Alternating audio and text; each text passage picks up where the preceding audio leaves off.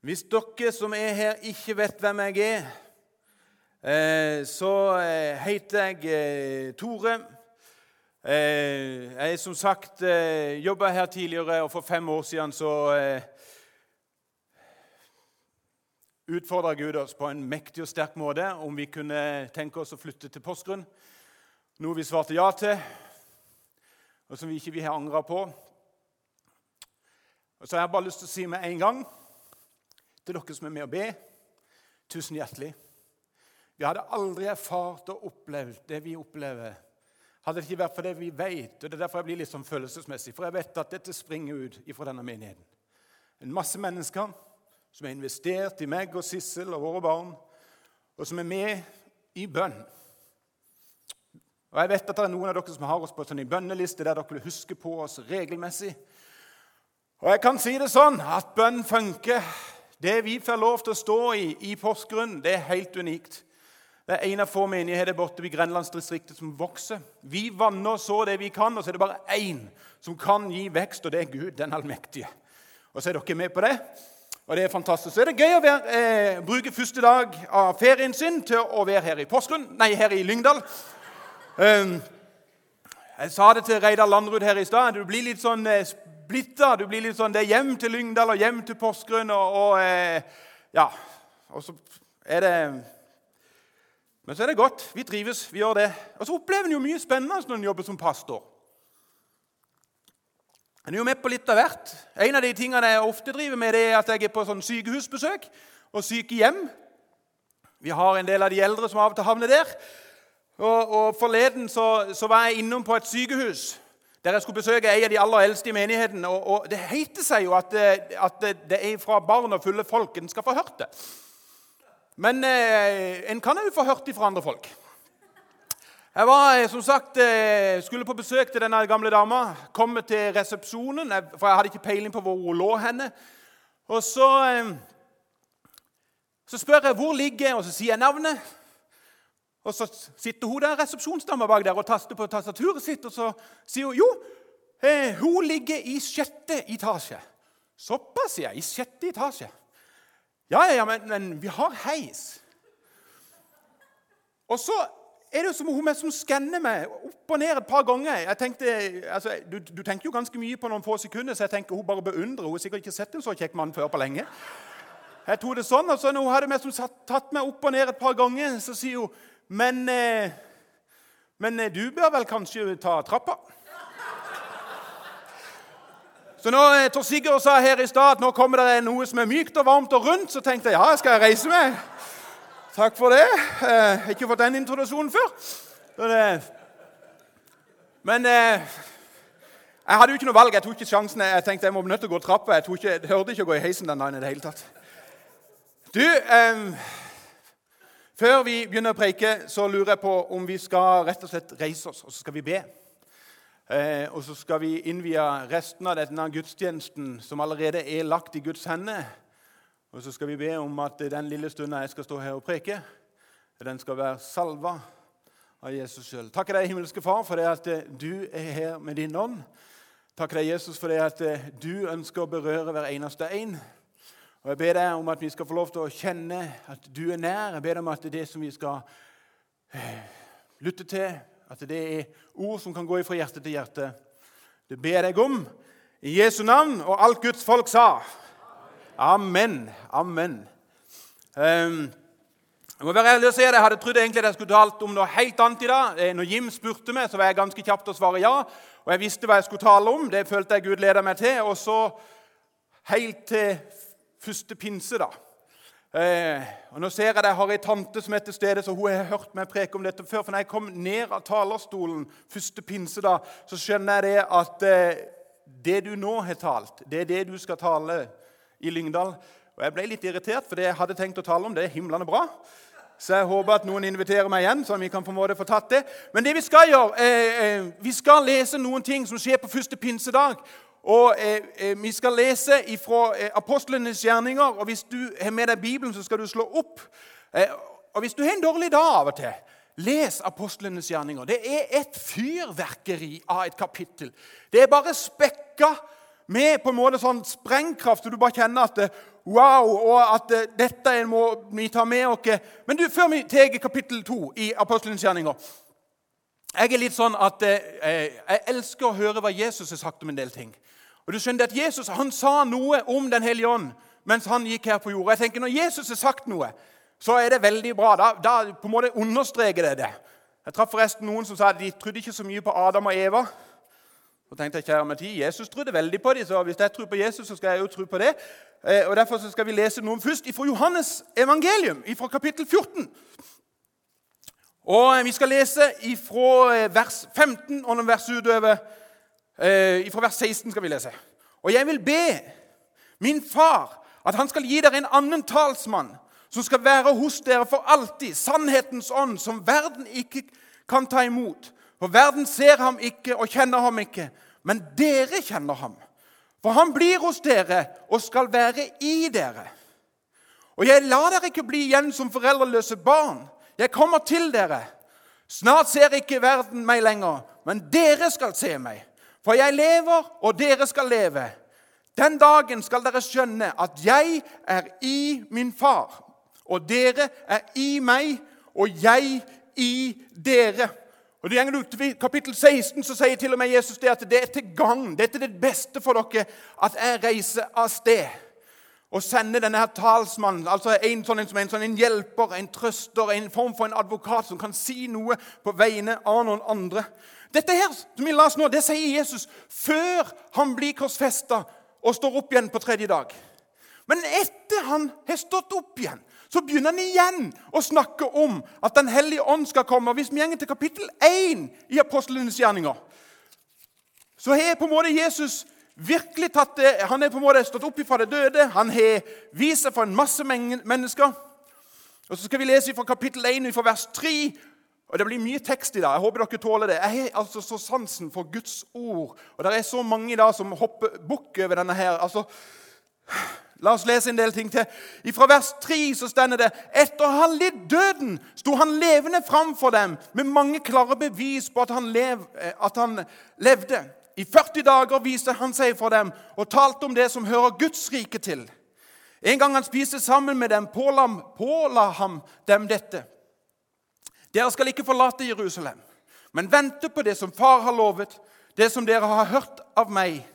For Johannes døpte med vann. Men dere skal om noen få dager bli døpt med Den hellige ånd. Mens de var sammen, spurte de ham, 'Herre, er tiden nå kommet da du vil reise riket for Jerusalem, Israel?' Jeg må bare si dere en liten sånn parentes her. Hvis du husker Palmesøndag, når de står og veiver med greiner, når de er i ekstase og de kommer, Wii, nå kommer han. Vet du, du, må huske det, at de som sto der og veiva med de palmegreinene, de tenkte kun på seg sjøl. De hadde en håp om å sette Jesus til å være sin agenda. De tenkte hvis vi får Jesus til å styre dette landet, så blir det bra for meg. Men Jesus er et mye større spekter. Og Til og med etter hans oppstandelse så står fortsatt disiplene og tenker kanskje det er nå han skal gjøre det. Kanskje det er nå han skal gå mitt ærend, det han vil. Og så er det som at Jesus tenker det der har jeg ikke tid til å diskutere med dere i det hele tatt. Derfor sier han det er ikke dere gitt å kjenne tider og stunder som far har fastsatt av sin egen makt. Men dere skal få kraft når Den hellige ånd kommer over dere. Og dere skal være mine vitner i Jerusalem og hele Judea, i Samaria og helt til jordens ende. Og da er vi i kapittel 2. Første pinse, da. Bursdagen til menigheten. Og Så skal vi lese noen vers der fra vers 1 i kapittel 2. Da pinsedag kom, var alle samlet på ett sted. Plutselig lød det som fra himmelen, som en kraftig vind blåser, og lyden fylte hele huset hvor de satt. Tunger som av ild viste seg for dem, delte seg og satte seg på hver enkelt av dem. Da ble de alle fulgt av Den hellige ånd, og de begynte å tale andre språk ettersom Ånden gav dem å forkynne. 120 stykken er samla på denne her dagen. her. 120 stykken som venter på at det skal komme en talsmann. Og så er det 120 som har én ting til felles. Det er du kanskje ikke klar over. De er 120 stykker som har én ting til felles. Og det er at alle disse 120 de hadde hver sitt esel. Nå ser jeg jo at faktisk en del av forsamlinga ble sånn Det har jeg ikke fått med meg før. Og det er fordi det står det ingenting om. Men det er veldig gøy å si sånne ting, for da, blir folk litt sånn Oi, har jeg ikke lest hele Bibelen? Det var der med esel hadde jeg ikke fått med meg. Men de hadde en ting felles. Og Det er faktisk en ganske vesentlig ting. Som jeg tror gjorde at på pinsedag så så de en del ting som vi kanskje ikke alltid ser.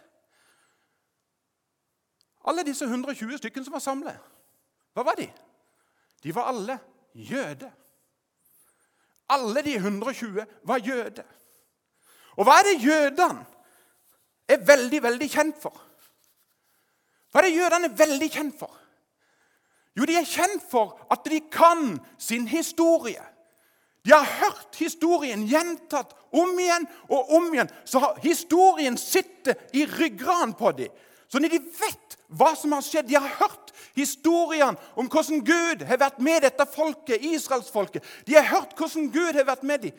Altså Bare 50 dager før første pinse da, så har disse folkene her vært samla til påske for å minnes hva som hadde skjedd. Ikke for å for Vi feirer jo påske for det at Jesus døde for oss og sto opp igjen. Jødene de samles for å minnes utmarsjen av Egypt. At Gud har på en måte frigjort dem fra slaveriet. Greia var at jødene hadde vært under fangenskap i over 400 år i Egypt. Og så reiser Gud opp en leder i Moses. Og så, Hvis du har gått på søndagsskolen, så husker du kanskje at det kom Gud sendte ti landeplager. Og Til slutt så sender han en, en eh, dødsengel som skal ta livet av alle de første, første, førstefødte, både av dyr og mennesker. Og så har Gud sagt til Moses at si til mitt folk at de skal ta et lyteløst lam, slakte, ta blodet, smør det på dørstokken, rundt på karmene på dørene. Og der blodet er smørt på, der skal dødsengelen gå forbi. Et kjempebilde på hvordan Jesus er for oss. Det er et sånn kananspråk, men det er for hver bare vær. Men at Jesus har dekka oss med sitt blod, sånn at vi går fri. Og Det samme opplevde disse her. Den natta så går israelsfolket fri fra denne engelen. Og Da sier farao, 'La denne folket her fare. Jeg vil ikke ha noe med de engang å gjøre.' Og De blir sendt av sted, og de reiser. Men hvis du husker fra søndagsskolen, hva var det som var med å lede israelsfolket ut i ørkenen? Hvis du er med deg Bibelen, så kan du slå opp i apostelen, nei, ikke apostelen, men i andre Mosebok. Nå skal bruke en maskin som ikke jeg pleier. Andre Mosebok, fra vers, kapittel 13 og 21 vers. 21. vers. Og Herren gikk foran dem om dagen i en skysøyle for å vise dem veien. Om natten i en ildsøyle for å lyse for dem, slik at de kunne gå både dag og natt Skysøylen veik ikke fra folket om dagen og ildsøylen ikke om natten. Folkens, og Hva er det som plutselig manifesterte seg over 120 stykk på første pinse? da? En ildsøyle over hver enkelt som var til stede i det rommet. Og Jeg er ganske sikker på at det er 120 som kan sin historie, og som på en måte gjenkjenner. Hva er det som nå står foran oss? Jo, dette har vi hørt om. Vi har sett det før, men vi har hørt om ildstøtta. Og hva er det ildstøtta gjorde? Jo, den leda folket. Og Jeg skal ta dere med i ti, tre ting, fire ting. Det første er at ildstøtta leda de. De visste at nå er det kommet en som skal lede oss. På samme måte som han leda israelsfolket ut av Egypt, så skjønte denne 120 menneskene at her er det en som vil lede oss. Ildstøtta gikk foran dem om natta, og når den stoppet, så stoppet folket. Når den gikk, så gikk de. De fikk hvile når de skulle hvile, de måtte gå når de måtte gå, men de ble alltid leda hver eneste dag av denne ildstøtta. Gud var nær dem gjennom denne her. Og disiplene skjønte Vet du noe? Det er én som skal lede oss. Det er én som skal virkelig være med oss. Og Dette har de lært om hele sitt liv. Og Nå forstår de at han skal gjøre det igjen. Nå skal han ikke lede et folk, men han skal lede hver eneste en helt på det nære. Det neste er at de visste at ildstøtta ga dem beskyttelse. Hvis du husker fra søndagsskolen, så hadde israelsfolket kommet seg av sted. Og så har de kommet til Rødehavet eller Sivhavet. Og så har ja, farao han har angra seg bittert. Han er litt sånn 'Å, filler'n heller'. Der gikk arbeidskrafta. Og så sender han etter dem en himlende her. Og snakk om å være mellom barken og veden. Du har med som sjøen, havet, framfor deg. Og du har en diger egypter her kommende bak etter deg. Og Hva er det ildstøtta røyksøyla hva er det den gjør der for noe? Da flytter den seg, og så stiller han seg imellom israelsfolket og egypterherren og beskytter dem. Og så baner Gud en vei som ingen hadde sett foran seg. Og Mange ganger har ikke du og meg tenkt at nå er alt håp ute. Og så åpner plutselig Gud en ny vei som vi ikke hadde sett i det hele tatt. Og så er det en som midt oppi der sier 'Jeg skal beskytte deg'. Og jeg ser 120 mann og damer som på en måte ser ei ildstøtte, gjenkjenner historien og vet at her er det en som skal lede oss, men han skal òg beskytte dere, sånn som han beskytta oss når vi gikk gjennom ørkenen og Rødehavet. Og de skjønner at det er Gud sjøl, Gud den allmektige, som skal beskytte dem. Den tredje tingen jeg tror de fornemmer med en gang, det var nærvær. Et nærvær. Tenk deg det. I 40 år vandra israelsfolket gjennom Egypt. I 40 år så hadde de Guds nærvære til stede. Og Av og til så har jeg lurt på Mon tro hvor lang tid det gikk før de tok det litt sånn for gitt. Litt sånn, I forbindelsen vil jeg tippe de våkna på morgenen og kikket ut av teltet med sånn Han er der fortsatt! Men etter uke nummer tre så er det litt sånn Ja, ja. Han er der enda. Etter tre år Yo, yo, yo, vi gjenger nå her, og han gjenger der. Av og til så minner det meg litt om oss. Ja, ja, Gud er med. Han er nær. Han skal lede. Og så har vi på en måte bare glemt at han er til stede med sitt nærvær så mektig. Men disse 120 som hadde savna nærværet av Jesus, de tok det til seg for fulle mugger, holdt jeg på å si. De bare kjente at nå var ikke plutselig bare nærværet at Jesus gikk på sida av dem, men de erfarte en fylde av Guds nærvær i sitt indre. De skjønte at Gud sjøl hadde tatt bolig i dem, at de sjøl skulle få lov til å være et tempel for Den hellige ånd. Gud leder de, beskytter de, er nær de. Og den siste tingen jeg har lyst til å nevne som jeg tror disse 120 fornemmer fordi de kunne sin historie, det er at eh, jeg har skrevet 'forberede hjertet'. Om du kan historien fra Gamle Testamentet, så husker du kanskje at israelsfolket kommer til en by som heter Jeriko, og det blir sendt ut to speidere. Og De to speiderne gjør ikke det vi lærer våre ungdommer. De gikk inn i byen, og det første de gjorde, det var at de gikk til en prostituert. Men det er det det står og Så begynner de å samtale med denne dama. Rahab heter hun. Og Så ser en plutselig at når de begynner å samtale med Rahab, så erfarer de plutselig at Gud ikke bare beskytter dem og er med dem og alltid nærværende. Nei, nei, nei, nei. Gud er uendelig mye større enn det. For når Rahab begynner å snakke, så sier hun det at hele byen har hørt om hvor stor deres Gud er. Hele byen har hørt rykte om deres Gud. Det stender så, Helt sånn spesifikt så stender det Vi skjelver av frykt, og våre hjerter har helt smeltet i frykt over hva vi har hørt, og hva deres, om hva deres Gud er i stand til å gjøre. Ryktene hadde gått foran og forberedt noens hjerte. Og Da er vi tilbake igjen til apostlenes gjerninger, kapittel 2. Og Jeg skal lese noe av det gøyeste vi som har dysleksi, elsker å lese. Dette er en oppramsing, men vi må ta den med oss. Fra vers 5 så stender det I Jerusalem bodde det fromme jøder fra alle folkeslag under himmelen. En stor folkemengde stimlet sammen da de hørte denne lyden. Og Det ble stor forvirring, og hver enkelt hørte sitt eget morsmål bli talt. Forskrekket og forundret spurte de er det ikke galileere, alle disse som taler? Hvordan kan det da være at hver enkelt av oss hører opp sitt eget morsmål?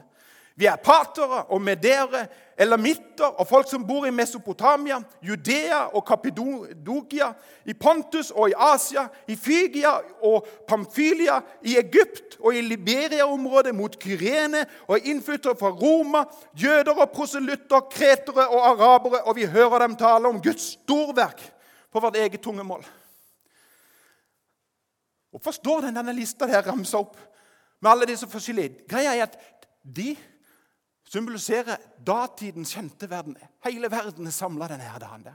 Det de kjente av verden, er samla på den ene dagen. Og i den folkemengden som er samla der, så stiger det fram en som heter Peter. Du må lese resten av kapittel 2 når du kommer hjem. Vi skal ikke lese hele. Men i denne folkemengden så stiger Peter opp. Denne her disippelen som har skuffa, svikta, banna og steika på at han ikke kjenner Jesus. Og som absolutt må ha kjent på noe av det samme som Stanley nevnte på, å ha en veldig dårlig, det å ha en dårlig dag. Og bare kjenne at i dag er ikke dagen min. Men nå stiger Peter fram og virkelig begynner å tale.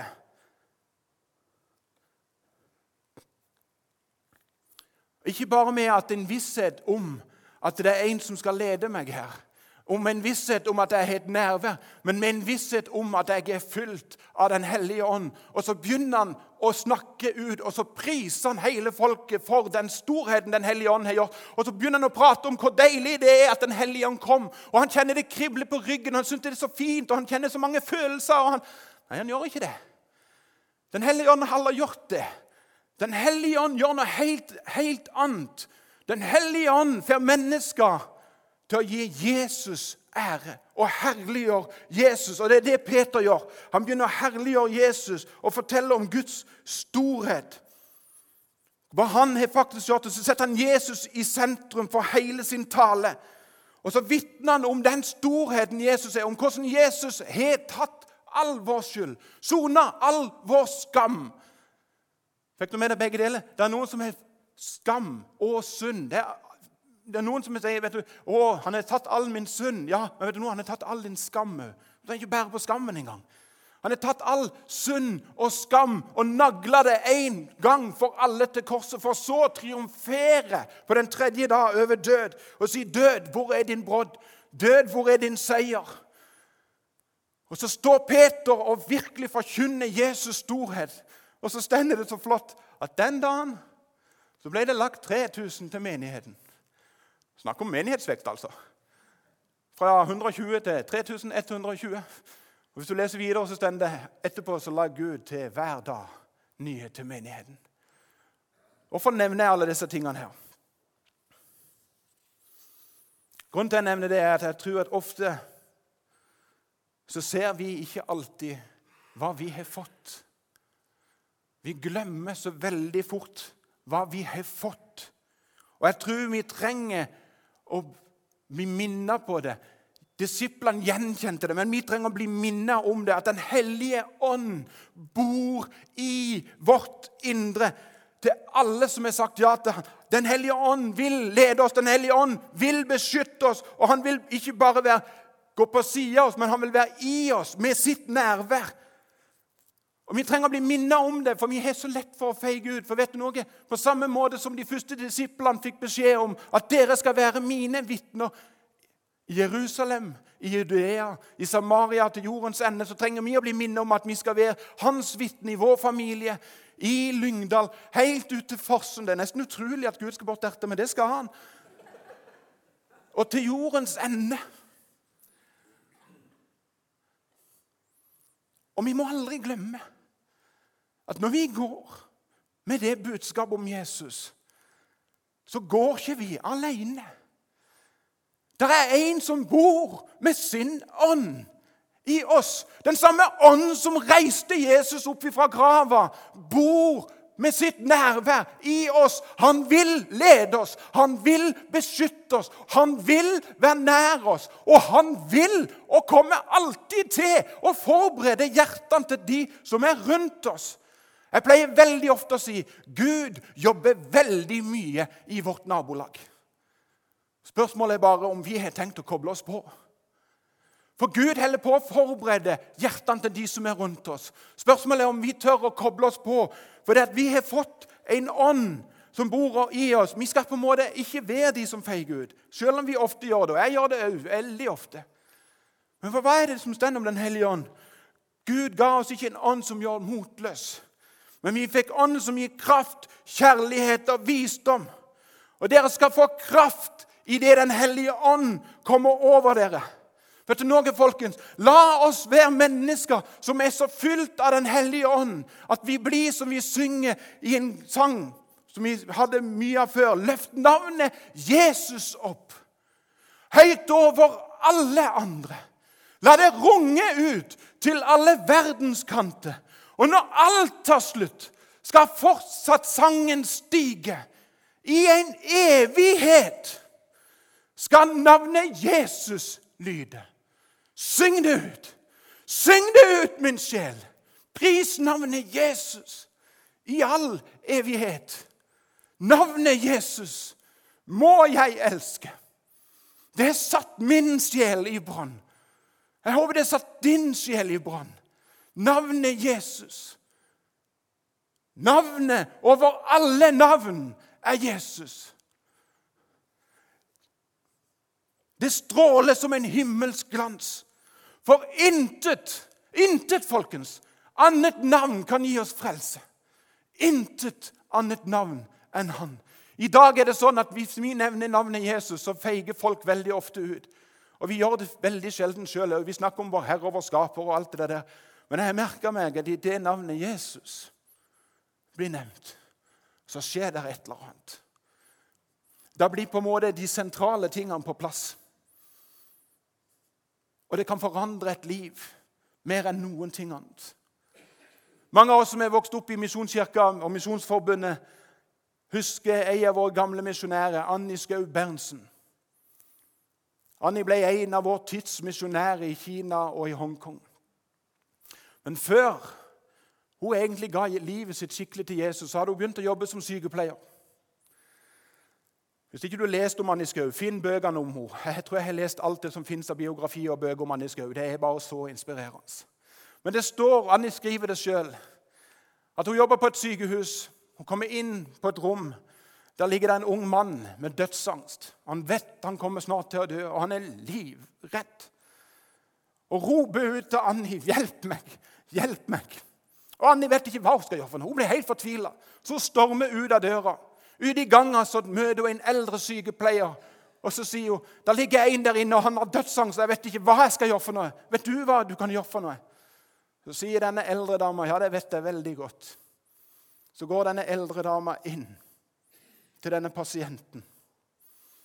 Og på en kort, liten samtale så skjer det en livsforvandling inne på det sykerommet. Den eldre sykepleieren kommer ut og møter Annie, og så sier hun nå kan du gå inn igjen til han. Annie kommer inn og tror ikke sine egne øyne. For der på senga ligger den mest fredfulle mannen hun noen gang har sett i sitt liv. Og som smiler til henne, og så sier, sier det jeg har det jeg nå trenger for å dø, det trenger du for å leve. Den dagen der så bøyde Anni kne for sin Herre og sin Skaper og ble fylt av Den hellige hånd. Og ble en basun for Jesus' storhet og hans godhet. Vi har et budskap å gå med, folkens. Det er mennesker rundt oss som ikke kjenner til Jesus. Som trenger desperat å høre at det er en som kan frelse den dag i dag. La oss huske på at Den hellige ånd leder oss. Den hellige ånd vil beskytte oss, Den hellige ånd vil være nær oss. Og være viss på at han har allerede vært og forberedt hjertene til den du sitter plutselig sammen med, kanskje på jobben, kanskje i nabolaget ditt. For greia det, og dette er utgangspunktet for hele denne talen Jeg ba Gud for en tid tilbake siden om at Gud gir meg noe helt konkret som du ønsker jeg skal dele videre. Og jeg fikk denne enkle setninga. Fortell dem du har alt du trenger. Du har alt du trenger. Ikke tenk at ja, men 'jeg er så liten'. Ikke tenk at 'jeg er ikke god nok'. Ikke tenk at 'det funker ikke for min del'. Vet du noe? Den hellige ånd når du svarer ja til Jesus, bor i ditt indre. Og i Han så har du alt det du trenger. Hvis du har lagt merke til bildet der bak, så er det fotspor i sanden. Og det er bare ett fotspor der. For jeg tror at min himmelske far bærer meg hele tida. I en hvilken som helst situasjon jeg kommer i, så blir jeg båret. Og jeg kan få lov til å være formidler av hans godhet og hans storhet. Vi skal avslutte, og jeg har lyst til å fortelle dere en helt liten spesiell historie som skjedde i Porsgrunn for en tid tilbake siden.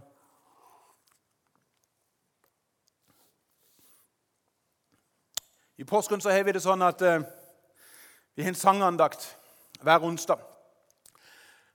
Der møter der en stort sett ganske så gråhåret forsamling. Jeg kan love deg at Det var en stor overgang når du kommer fra ungdomspastor, og plutselig skal det snittalderen være veldig høy, uten å si noe galt. En av de som går der, hadde begynt å gå der en liten stund før jeg kom. Kjell het han. Kjell var en skikkelig skeptiker, men han kom hver gang.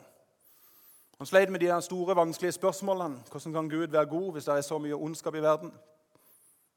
Og Vi hadde noen samtaler rundt det.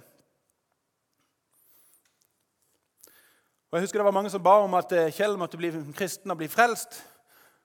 Og Sjøl gikk jeg rundt og tenkte det høres da egentlig ut som mannen er frelst. Det er bare en del tvil ute og går, og det er helt greit. Men en dag så tenkte jeg dette må jeg få en visshet om. Dette hører på at han er med her. Dette må jeg få en visshet om, så jeg lener meg over bordet. Vi hadde satt og drakk kaffe, og så sier jeg, 'Du, Kjell, hvor lenge har du vært en kristen?' Jeg tenker Det er greit å plassere, plassere folk innafor, så kan de sjøl plassere seg utafor. Så kikker han på meg og så sier han, nei, kristen, han visste ikke helt om han kunne kalle seg kristen. Han syntes det var litt vanskelig. Så sier jeg, ja, men tror du på Jesus? Ja. Tror du at Jesus har dødd for dine synder? Ja, det trodde Kjell. Tror du at Jesus har stått opp for deg? Ja, det tror jeg. Men vet du noe, Kjell? Det er det det handler om å være en kristen. Det er det det handler om. Det er det som er det sentrale. Det er det jeg er villig til å dø for. Så da er du en kristen. Jo, han måtte jo kanskje innrømme det. 14 dager etterpå så får jeg plutselig en som pirker meg på ryggen og så sier han det. Kjell har fått en kraftig slag. Jeg hiver meg rundt, kommer inn på sykehuset. Der møter jeg, der møter jeg Kjell alene på sykesenga. Han ligger i en døs. Jeg husker jeg gikk bort og så tok jeg tak i hånda til Kjell og så sier jeg, hei, det er Tore fra Misjonskirka. Han åpna ikke øynene, men eh, han ble grepen, og tårene begynte å trille litt på han. Og Så sier jeg, 'Kjell, slapp helt av. Du er trygg, for du er Jesus sine hender.' Han tar ikke noe så veldig mye på det. Så sier jeg, vet du noe, Kjell? Enten så blir du frisk, og så møter vi deg igjen i kirka, eller så reiser du hjem til Jesus. Men nå skal jeg la deg få lov til å hvile, og så skal jeg bare lyse velsignelsen over deg til slutt. Og jeg begynte å be Herren velsigne deg og bevare deg. Da skjer det noe som jeg kan ikke forklare, men da åpna Kjell øynene sine på vidt gap. Og Kjell så noe som jeg ikke så i det rommet. For når jeg sa Herrens ansikt lyse over deg, da strålte Kjell. Så sa jeg til slutt ammen, og så sa jeg vi møtes igjen, Kjell. Så gikk jeg. To dager etterpå så får jeg en telefon om at Kjell er død. Jeg tenker nå må jeg finne ut av hvor tid den begravelsen er, for den begravelsen der vil jeg være i. Seint, seint den kvelden så ringer telefonen. Så er det fra et begravelsesbyrå i Porsgrunn, og så sier de du, vi sitter hos enka til Kjell og hans to døtre. Og de lurer på om du kan forrette den begravelsen. Og Jeg ble litt sånn overgitt, for jeg tenkte det kom litt sånn uventa. Kjell har aldri vært en kirkegjenger. Men han gikk i vår kirke, og det var den eneste plassen han gikk. Han hadde aldri gått noen plass. Så sier jeg det gjør jeg gjerne. Så kommer jeg hjem til en familie i sorg. Og Jeg får beskjed om å sette meg i en god stol. Og Så sier dattera, 'Før du sier noen ting, så må vi si deg noe.' Ja, sier jeg, hva er det?